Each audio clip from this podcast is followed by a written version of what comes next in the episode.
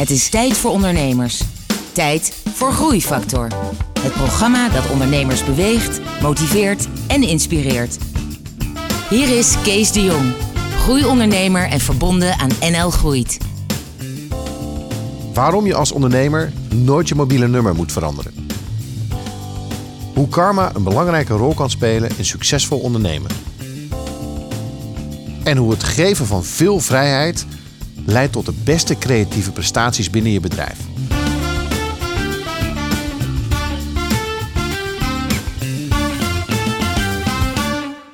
Hallo en welkom bij een nieuwe aflevering van Groeifactor. Het programma dat ondernemers beweegt, motiveert en inspireert.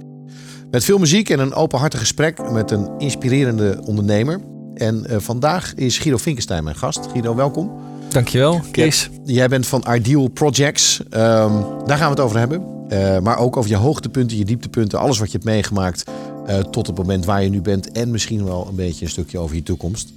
Dat allemaal zo direct. Nu eerst muziek. Quincy Jones met Bet You Wouldn't Hurt Me. Groeifactor beweegt ondernemers.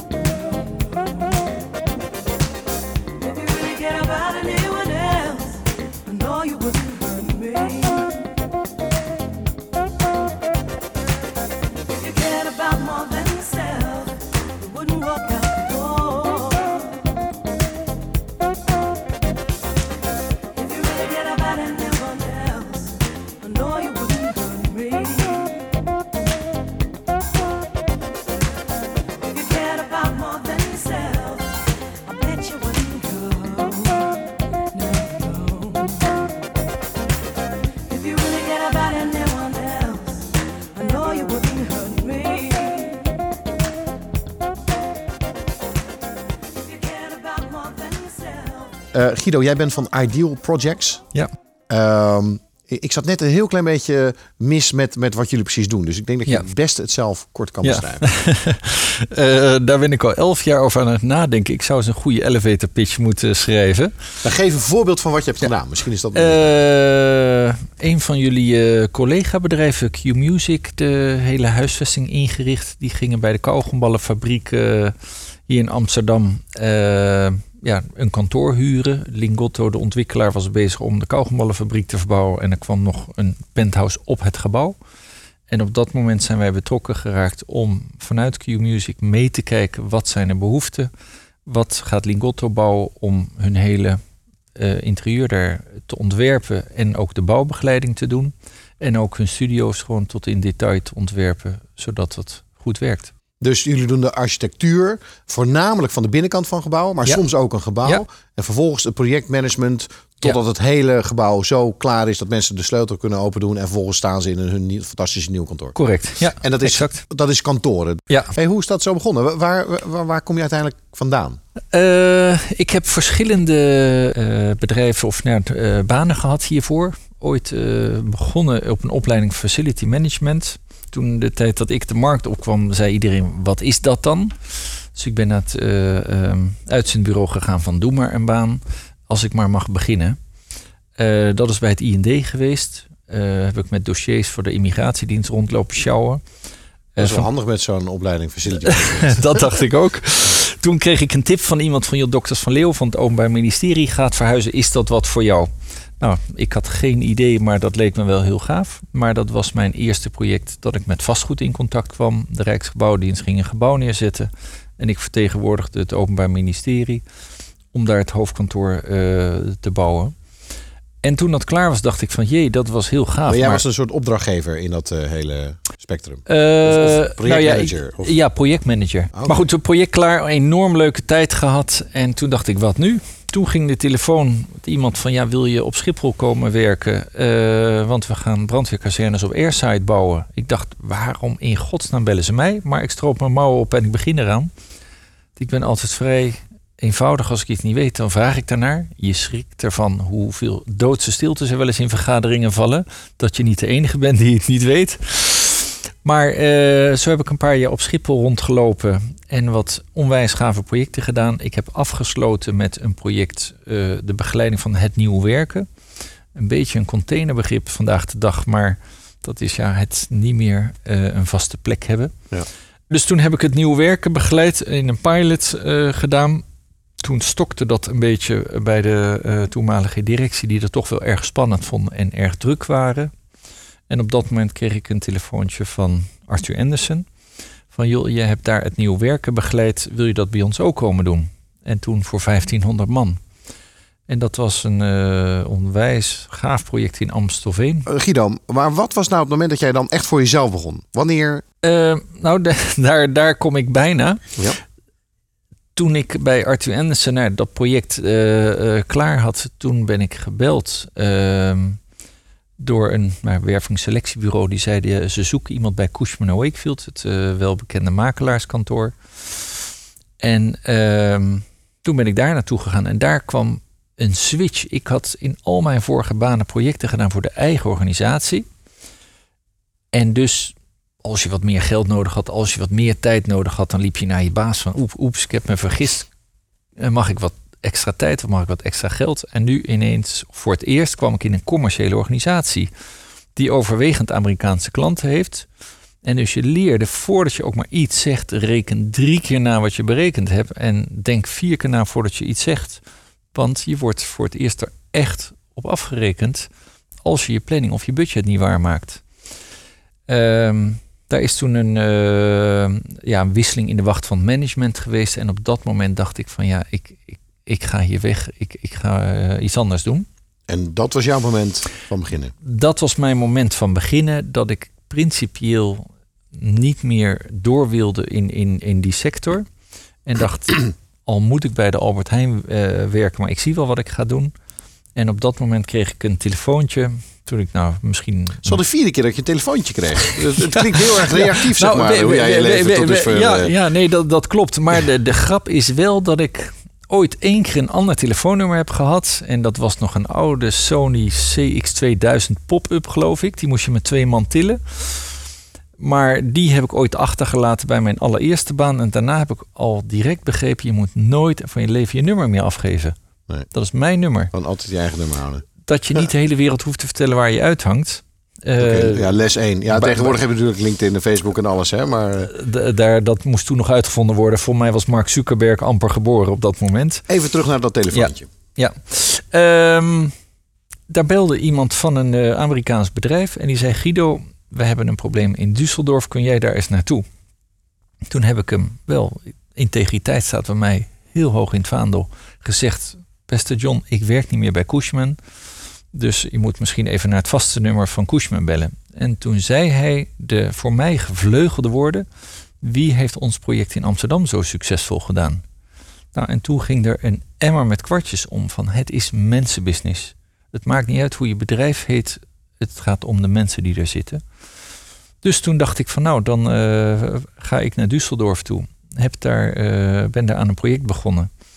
En inderdaad, niet veel later, daar gaan we weer, ging mijn telefoon nog een keer van een ander Amerikaans bedrijf, voor wie ik een vrij groot project, onderdeel van een groot team was, voor een vrij groot project in, op Schiphol.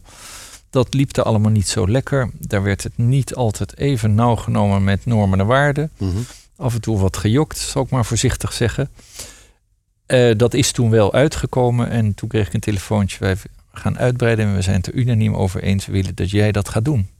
En toen dacht en toen ik. viel de emmer met kwartjes voor de tweede keer. Zeg en toen dacht ik, ik ga ze naar de Kamer van Koophandel. En toen viel, viel de stuiver. De... ja. En uh, ja, dat is elf jaar geleden. Oké, okay, nou, ik wil straks uh, meer weten van jou over over na het moment dat jij je handtekening had gezet bij de Kamer van Koophandel, hoe jij toen je bedrijf hebt uh, gebouwd. Ja. We luisteren eerst naar R met All I Need en straks Ja. naar jouw verhaal.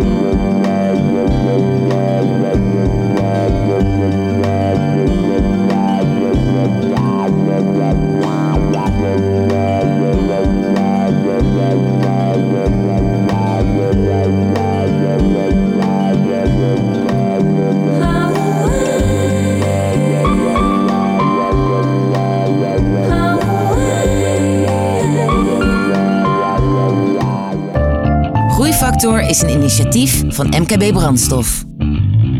Ga naar groeifactor.nl voor nog meer openhartige verhalen van inspirerende ondernemers. Groeifactor inspireert ondernemers.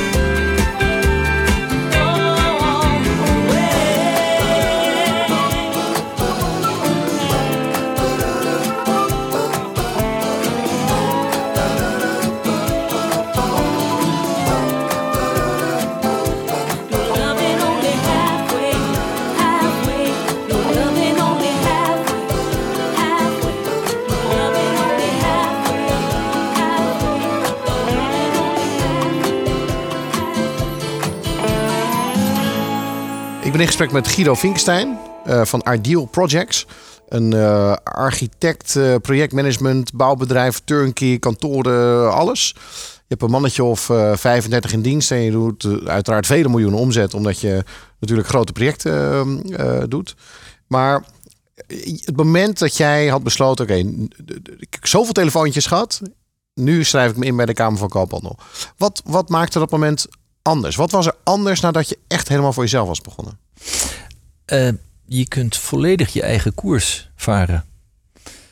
En eh, dat, dat vond ik echt de grote bevrijding. Dat je niet een target hebt die je moet eh, redden. Dat je aan, op 1 januari denkt dat is niet mogelijk. En dat je dan eind van het jaar op je tandvlees loopt en het dan net wel of net niet gered hebt. En als je het wel gered hebt, gaat je target het jaar daarna omhoog. Dat ik denk van ik wil gewoon doen wat ik leuk vind en het oprecht doen. Mhm. En dat was wel een bevrijding. En nou, ik heb erg geluk gehad met een aantal mensen die mij gewoon werk gegund hebben. Had je toen al eh, kunnen bevroeden dat je zo groot zou groeien? Absoluut niet. Ik, ik heb letterlijk gehad van, nou ja, ik, ik, ik begin eh, gemotiveerd door mensen om me heen. Het was niet mijn idee. Ik heb nooit gedroomd van, ik wil directeur worden, ik wil manager worden, ik wil een eigen bedrijf hebben. Nooit, nooit, Nee, nooit. je had facility management gestudeerd. eh, ik had facility En, management. en kwam je uit een ondernemersnest? Waren je ouders Ja, ondernemers? eh, inderdaad. Ik kom uit een ondernemersnest. Eh, ook de keerzijde gezien toen ik klein was, dat geld speelde geen rol. En zwinters eh, een paar weken skiën in Zwitserland, in Verbier. En eh, zomers op reis naar Canada. Eh, tot eh, het moment dat de zaak failliet ging en dat je niet te veel vriendjes mocht uitnodigen op je verjaardag. En dat we thuis wel iets gezelligs gingen doen. En dan denk je van ja, weet je, dan gebeurt er echt heel veel. Dus ik heb niet die ambitie gehad van, oh, ik wil ook directeur. En nu is het me overkomen. Dat is iets wat ik, dat zul je vaker van mij horen zeggen. Dingen overkomen me, denk ik. Ja. Eh, dat de telefoon gaat overkomen. We krijgen enorm mooie kansen. Dat ik denk van, ik ben zelf flabbergasted. Ik luister nog geregeld naar BNR, naar de eh start-ups. Mhm. En dan zit ik helemaal gekluisterd aan de radio. En dan denk ik van, je bestaat elf jaar. Maar ik voel me nog elke dag als ik wakker word een start-up. We moeten nog heel veel leren. Er zijn nog enorm veel kansen. En ergens geniet ik daar wel weer van. Maar dan even een filosofische discussie. Ja. Vaak zeggen ze mensen die heel veel geluk hebben. ehm, eh, dat is gewoon geen geluk. Mensen creëren situaties, contacten. Mensen Ja. staan open. Die telefoontjes die je kreeg, die krijg je niet zomaar. Dat, dat, dat, is, dat is geen toeval. Ik geloof dat er meer tussen hemel en aarde is dan het gewone hier en nu. Dat is eigenlijk begonnen toen ik ooit over zo'n kolenbaan met mijn blote voet heb gelopen. En niet eh, twee stappen en eh tjaka en eh, als mijn vrienden het kunnen, kan ik het ook. Nee, het was echt heel geconcentreerd. Het hoeft niet als je mag. Ik heb het gedaan en ik geloofde het niet. En nog een keer. Ja. Ik denk, en toen heb ik opgekeken naar de hemel. Dat ik denk, jongens, hoe kan dit? Ja, je hebt een soort andere drive. Ja. En daar wil ik meer van leren. Hoe Ja. dan die andere drive jouw eh, bedrijf, ehm, eh, hoe zich dat door, doorvertaalt in jouw bedrijf en in jouw groei. Ja. Maar daarvoor zitten we nog even dat jij net begonnen was met jouw bedrijf. En, en, en, en je bent alleen. En je moet mensen aannemen. Je moet projecten krijgen. Hoe heb je die beginperiode ervaren? Eh, ja, natuurlijk eerst enorme energie om, om aan de slag te gaan, vrijheid te hebben. En het is dan heerlijk als je af en toe facturen mag sturen. Ehm, maar het is, een, het is een van de spannendste momenten geweest toen ik iemand ging aannemen. Dan word je in één keer verantwoordelijk voor een heel salaris in een maand. En niet één salaris, maar er zit een persoon achter en die heeft een gezin. Ja. En dat vond ik wel van wow, dat, dat rust nu op mijn schouders. Ja. En dat vond ik een spannend moment, maar we hebben het gedaan. En dan krijg je ook iemand die ja, bijna kopie van jezelf wordt. Want het was iemand die was net klaar eh, op de TU Delft. Ja, en dan begint eigenlijk begint het feest. Dat je gewoon steeds leukere projecten mag doen, steeds meer projecten. En dan krijg je zo'n energie. En ja, dan is nummer twee aannemen eh, in één keer iets makkelijker. En nummer drie en nummer vier. En nu, ik respecteer mensen enorm. Mhm. Maar we hebben nu zelfs mensen op kantoor waar ik niet eens meer bij betrokken ben om ze aan te nemen. Omdat ik zeg, als mijn architectenteam zegt we hebben mensen nodig, dan zeg ik als jij dat vindt en je kunt het verantwoorden, zoek iemand en doe het. Je vertrouwt ze dat ze wel de juiste mensen selecteren op basis De- van jouw Wat ik tegenwoordig, en sterker nog, ik geloof erin, je moet altijd mensen aannemen die, iedereen die ik aanneem moet beter zijn dan de laatste vorige. En wat ik dan doe, ik wil heel graag de laatste tien minuten bij een gesprek zijn als er een nieuwe persoon komt. En dan kom ik binnen en ik heb maar twee dingen die ik wil toetsen. Eén, kan ik gezellig een biertje met je drinken? En B, kan ik naar een nieuwe klant gaan en met trots zeggen, dit is Kees en je bent bij hem in goede handen. En als er iets is, kun je me altijd bellen. Dat is het enige wat ik wil weten. Dat kan is een soort van de, lakmoesproef Ja. bij jou. Ja. Oké, dus, dus de selectie van de mensen en, het, en, en ervoor zorgen dat je de beste mensen om je heen hebt verzameld. Dat is één van de dingen die jij heel goed hebt aangepakt. En, en nu nog steeds doet. En zeker die laatste tien, eh, tien minuten. Ehm, heeft dat ook voor die groei gezorgd? Of, of was het zo dat jij toevallig ook in de juiste tijd, hè, want dan hebben we het over elf jaar geleden, toen was de crisis Ja. er nog niet, dat was voor de crisis, dat jij gewoon net een paar goede contacten had en mooie projecten. En, dus wat was daar de groeifactor van eigenlijk in die tijd? Wij hebben het geluk gehad dat we begonnen met wat Amerikanen. En dat was niet een Amerikaan die eens in de 30 jaar iets doet. Maar die zei, god, Düsseldorf is goed gegaan. Kun je Frankfurt ook doen? En dan was Frankfurt klaar. Kun je Parijs ook doen? Oké. En dus ze hadden geluk dat zij Europa doorgingen om al hun kantoren eh, te rebranden. Oké. En als je klaar was met de laatste, dan was je vijf jaar verder. En dan zeggen ze, Amsterdam gaat verhuizen. Kun je dat doen? En zo zijn we ja, in het begin geluk. En nu is het gewoon een stuk van mijn strategie. Ja. Ik werk bijna niet meer voor partijen dat ik weet, dit is once in a lifetime en daarna niet meer. Want de investering in tijd en relatie aan de voorkant is net zoveel als in een bedrijf die constant doorontwikkelt en Ja. zelf ook meegroeit. Hoe, hoe groot zijn die projecten ongeveer dan die je doet voor zo'n klant? Is dat, is dat een paar ton of is dat een miljoen? Of, Eh, het wisselt als we het maar leuk vinden. Maar we hebben bedrijven gehad die zeiden: Guido, ik heb 40.000 euro om een heel grachtenpand in te richten. Kun je me helpen? Ik zei: Zolang de verwachtingen juist zijn, gaan we dat doen. En een van onze architecten is bijna letterlijk met ze naar loods 5 gegaan om voor 40.000 euro leuke spulletjes te kopen. De architect was zo committed dat hij een keer op zaterdag eens mee is gaan schilderen. Want dat was goedkoper als een schilder inhuren. Maar we hebben eh, datacenters van ja, miljoenen, 80 miljoen, meer dan 100 miljoen die we ook bouwen als projectmanager. En alles wat daartussen zit. Ehm, ik heb dinsdag een presentatie in Brussel voor een project van 12.000 meter. Maar het gaat erom, vinden we het leuk, vinden we de klant leuk en denken we het verschil te kunnen maken. Ja. Het gooien en smijtwerk, eh, 10 in een, of 12 in een dozijn, hoef je ons niet voor te bellen. Maar dat, is, dat kan één keer. Hè? Dan doe je heel erg je best, dat kan één keer. Maar het moeilijkste is om dat inderdaad de, de tweede keer te doen en de derde keer te doen. Dat je Ja. zo'n creatief team hebt, Ja. hè, dat het gewoon blijft. Dat zie je ook vaak bij reclamebureaus. Die zijn dan twee of drie jaar ontzettend goed. Ja. En dan, dan dat hou je Ja. nooit heel lang vol.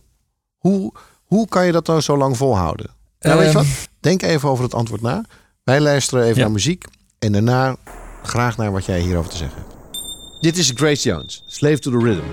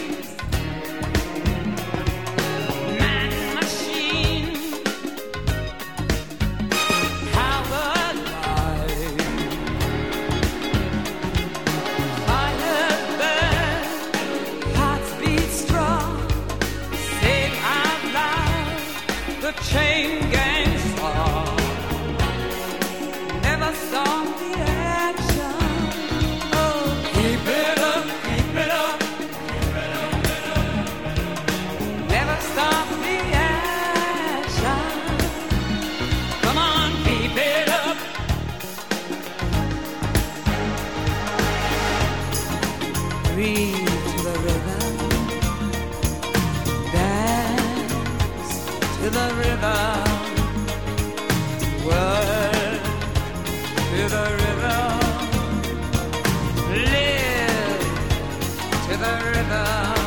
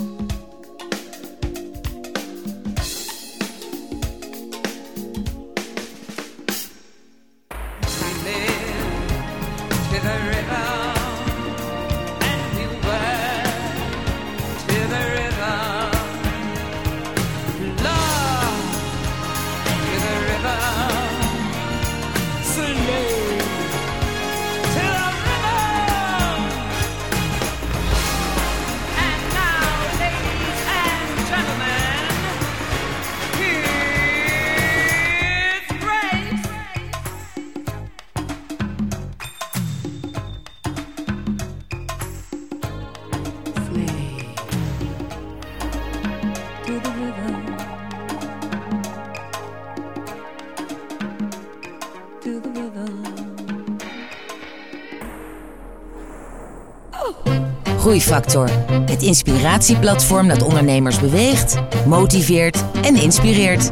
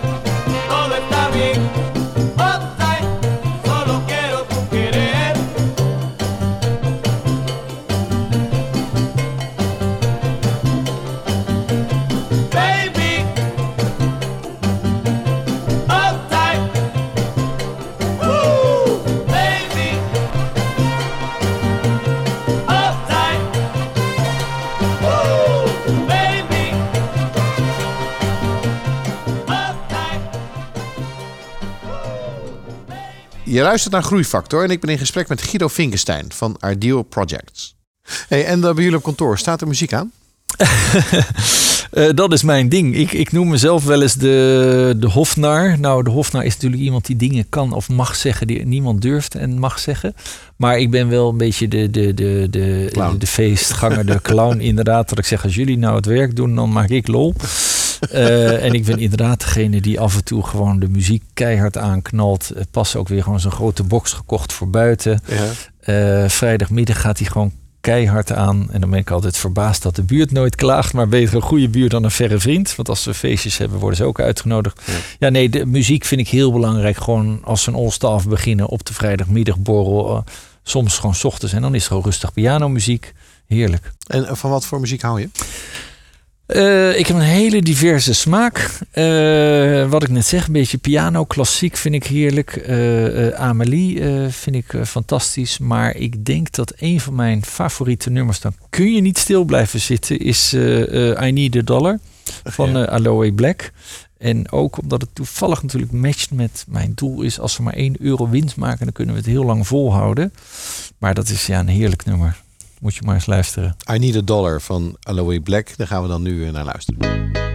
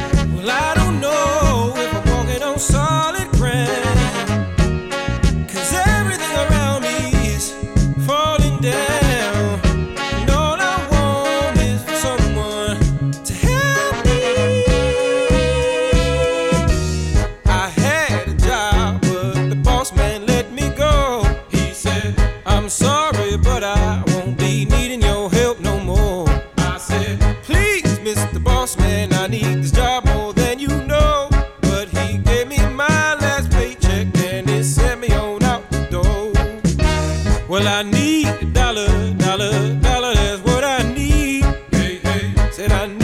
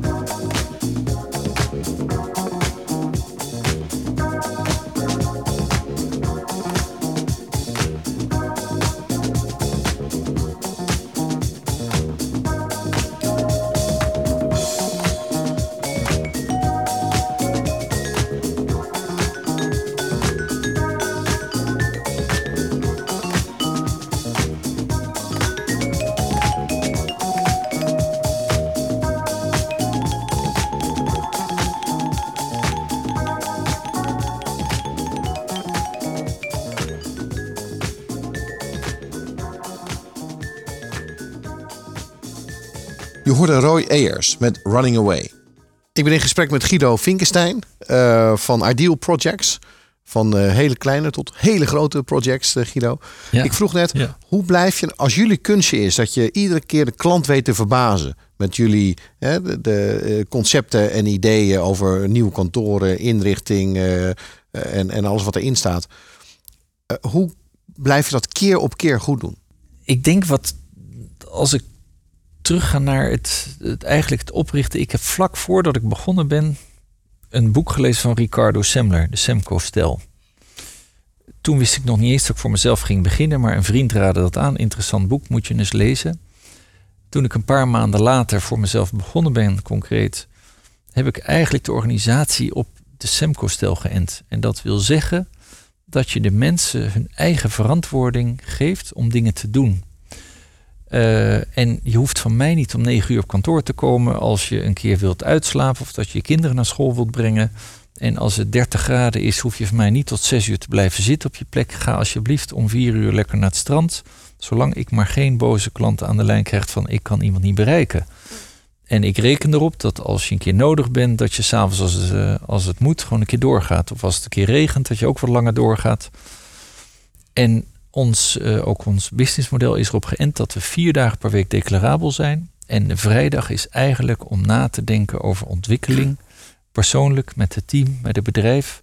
En ook af en toe terug te kijken, wat zijn we in godsnaam aan het doen? En kan het niet beter? En dus ik wil dat we af en toe stilstaan bij wat gebeurt er in de markt? Wat, wat willen we zelf? Maar is dat dan ook dat je dan inderdaad, wat mijn eerste vraag was, dat je continu weer die kwaliteit kan leveren om de verwachtingen van de klant zeg maar te, te overtreffen? Ehm, Dat ligt dan in, Nou, dat ligt dan in de mensen, in de vrijheid van de Ja. mensen. Ja, Eh, ja, want een gemotiveerd persoon die blij is, dat straal je uit. En die gaat ervoor. En die is iemand. Het zou niet goed zijn als iemand die vandaag een project doet, het hetzelfde doet als een jaar geleden. Ik Ja. mag ervan uitgaan dat hij wat geleerd heeft en dingen slimmer, sneller of anders doet. Ehm, was het nou design of was het nou een soort toeval waar je bent achtergekomen dat, het, dat dit het beste is? Heb je er vooraf over nagedacht? Of is het je Nee. overkomen? Nee, het laatste. Het is, ik voel alsof het me overkomen is. En ach, je leest wel eens boekjes, want je, ik wil ook mezelf ontwikkelen. En zeker niet arrogant bedoeld, maar soms lees je dingen dat ik denk, ja, verhip. Eigenlijk doen we dat altijd al. Ja. En waarom? Ja, dat, dat voelde goed. We dachten, dit Ja. is de juiste weg. Onbewust bekwaam. En, en waar, waar, waar wij denk ik heel sterk in zijn, is. Ik heb ooit gelezen, en dat is eigenlijk een tekst voor een tegeltje aan de wand. Als je nooit één klant verliest, ga je het heel druk krijgen. En dat is eigenlijk wat wij beleiden. En als wij, ik zeg maar wat, voor 100 uur eh, uren verkocht hebben, vind ik het niet erg als iemand zegt: Guido, ik moet 110 uur maken. Want dan zijn ze net, dan hebben we net Ja. even die extra stap gedaan dat de klant super blij wordt. Die 10 uur extra is voor mij vele malen voordeliger als een salesman en elke keer opnieuw klanten moeten vinden. Wat vond je nou tegenvallen in het, in het, in het hebben en het leiden van Ja, zo'n eh, ja. zo'n club? Wat vind ik tegenvallen? Eh, tegenvallen is natuurlijk dat je je moet beseffen, ik ben zelf een spring in het veld. Dus ambitieus. Ik zie overal kansen. Het maakt niet uit waar je me neerzet. Overal zie je kansen. Dat ik soms het moeilijk vind als iemand mij terugfluit. Guido, wat zijn we in godsnaam aan het doen? Waar ga je naartoe? Dat ik denk, dat heb ik toch al gezegd? Of is dat niet duidelijk? Dat je dus niet moet vergeten om je hele team mee te nemen. En te begrijpen dat ze niet na het één keer op een all-staff meeting roepen. Dat iedereen het weet, maar herhalen, herhalen, herhalen. En dat vind ik een ingewikkelde voor. Ik ben een sprinter. En ja, in je eentje ga je heel hard, maar met z'n allen kom je heel ver. En een onwijs shocking moment eh, heb ik gevonden dat ik echt wakker lig. Dat ik een keer gehad heb, je bent aan het groeien. We waren super gezond. Maar door de cashflow kon ik bijna de eh, vakantiegeld niet betalen in mei. Dat ik denk van, hoe is dit mogelijk? Dat je zo gezond bent. We hadden waanzinnig veel facturen uitstaan, maar het staat niet op mijn rekening. Nee. En dat, daar schrik ik wel van en dat vind ik eh, niet leuk. Wat heb je toen gedaan? Eh, wat heb ik toen gedaan? Eh, als een eh, gek alternatief eh, uitgezocht. Eh, wat mensen gebeld. eh, die, of die konden bijspringen als het nodig was. Natuurlijk onze klanten gebeld van... Kun je zorgen dat je op tijd betaalt? En net, eh, echt net, net, net voor de kant eh, eh, overstag kunnen gaan. En het net kunnen redden. Maar dat heeft me echt bezig gehouden. Dat je gewoon een paar weken zorg hebt, kan ik het wel betalen. En sindsdien heb je gewoon een proactief cash management systeem Ja. geïmplementeerd. Ja, ja. En, en nog steeds is het moeilijk, want ik ben heel trots op alle bedrijven op wie we werken. Maar ik vind het ongelooflijk dat de grote der aarde gewoon 90 dagen betaaltermijnen hanteren Ja. nadat de dienst klaar is. Eh, dat vind ik wel echt jammer. Terwijl ik ben vandaag aan het werk en ik ben vannacht als het moet aan het werk. Maar goed, dat is een ander verhaal. Maar inderdaad, voor alle ondernemers, eh, wat mij wel eens gezegd is en wat ik ook elke nieuwe ondernemer zeg cash is king. En niet als geldwolf, maar zorg dat je snel factureert. Zorg dat je er bovenop Ja. zit als de betaaltermijn overschreden wordt. Want dat is je levensader. Anders hoef je niet hard te werken. Als je geen geld meer hebt, dan houdt het op. Zijn er nog andere dingen waarvan je wakker hebt gelegen? Ehm, ja, nou, dat, dat is altijd een, eh, ei- eh, een eh, eigenaar van een bedrijf als wij eh, eigen in projecten. Ik lig of wakker van, god, waar gaan we het werk vandaan halen als het even wat stiller is? En een week later lig je wakker van, hoe gaan we in godsnaam al dit werk gedaan krijgen?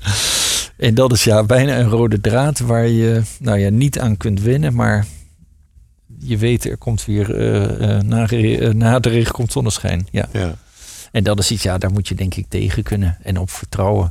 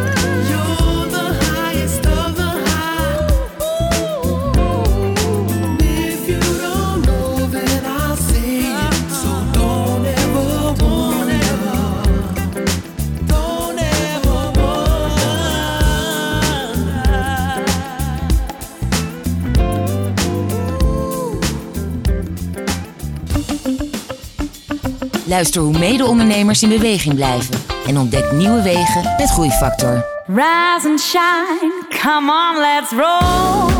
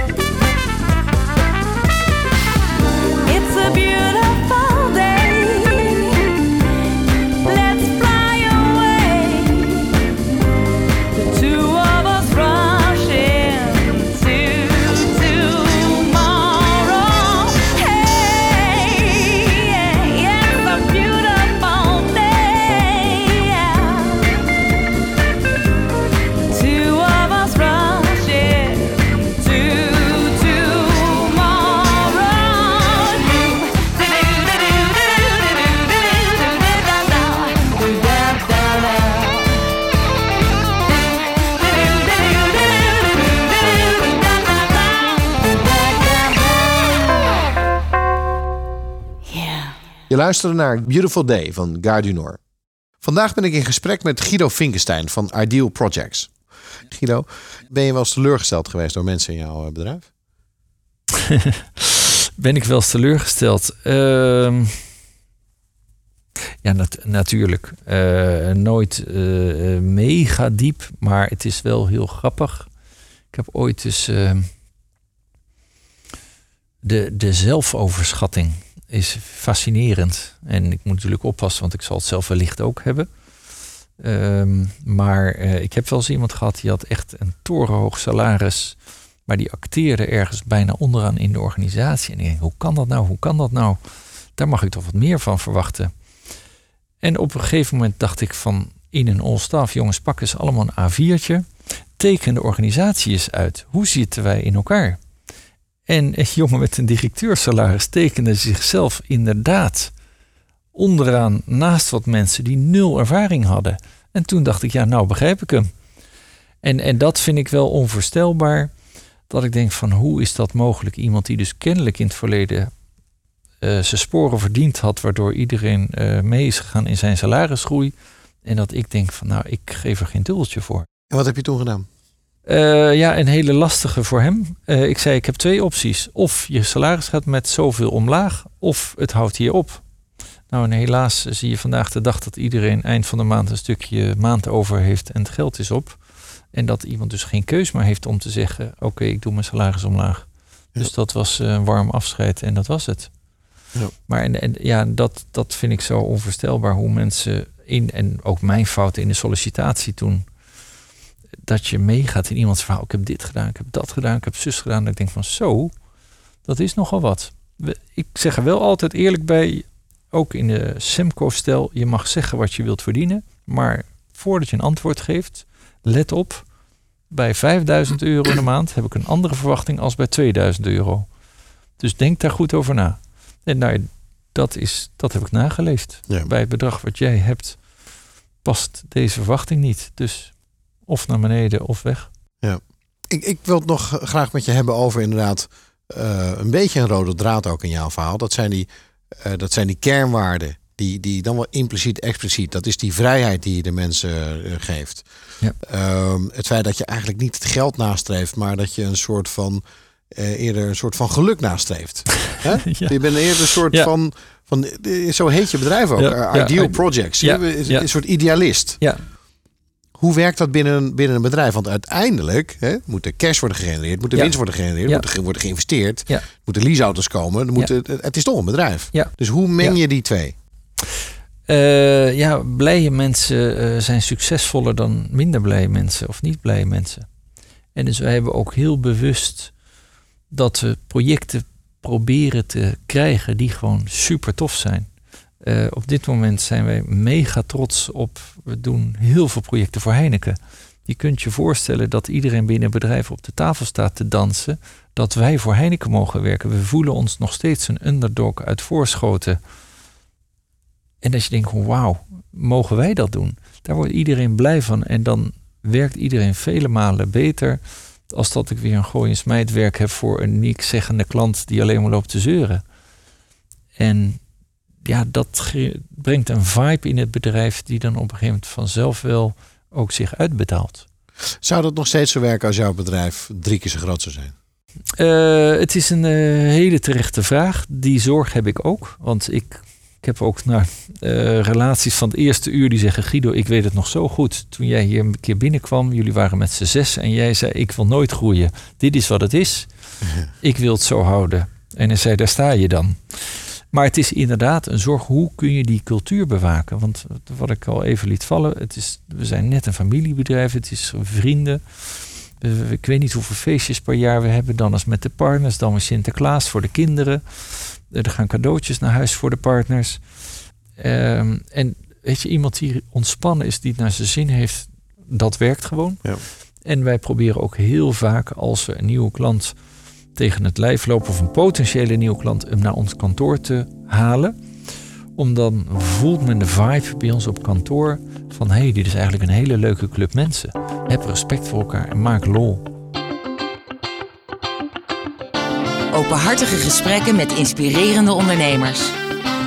Je luistert naar Groeifactor.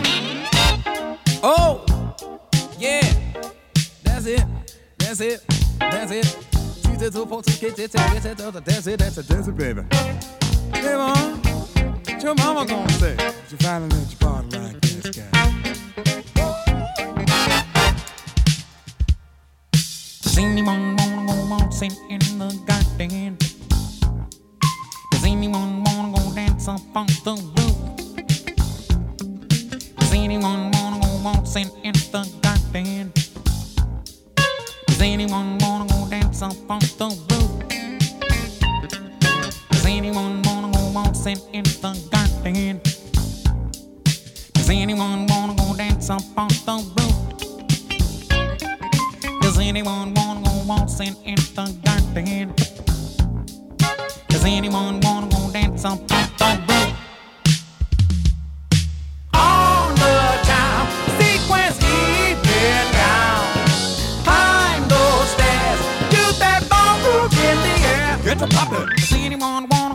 dancing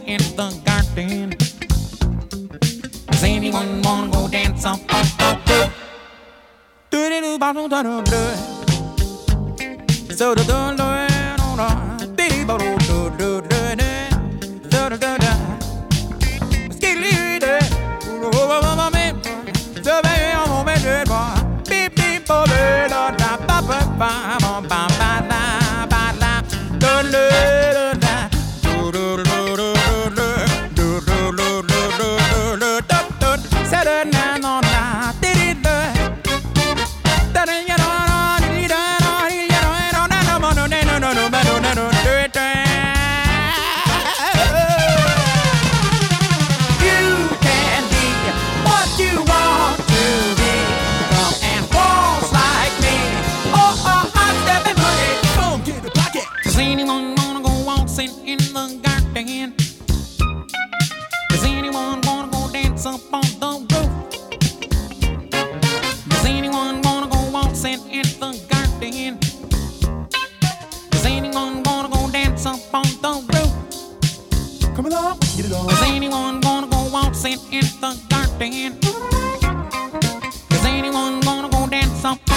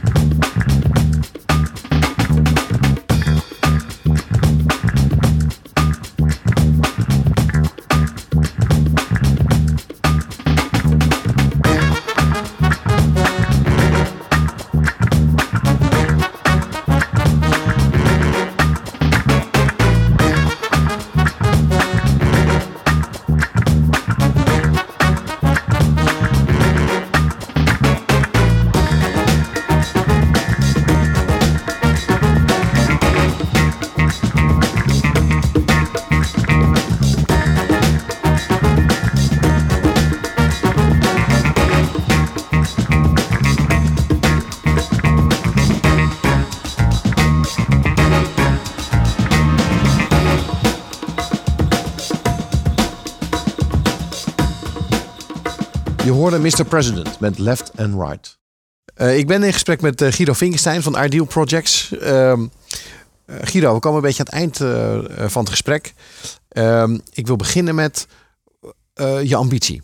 Waar gaat het verder? Hoe ver reikt je ambitie? Hoe groot wil jij dat jouw Ideal Project wordt? Inmiddels bijna oneindig. Ik wilde het altijd, wat ik eerder zei, klein houden. Ik dacht, nou, zes man is wel genoeg.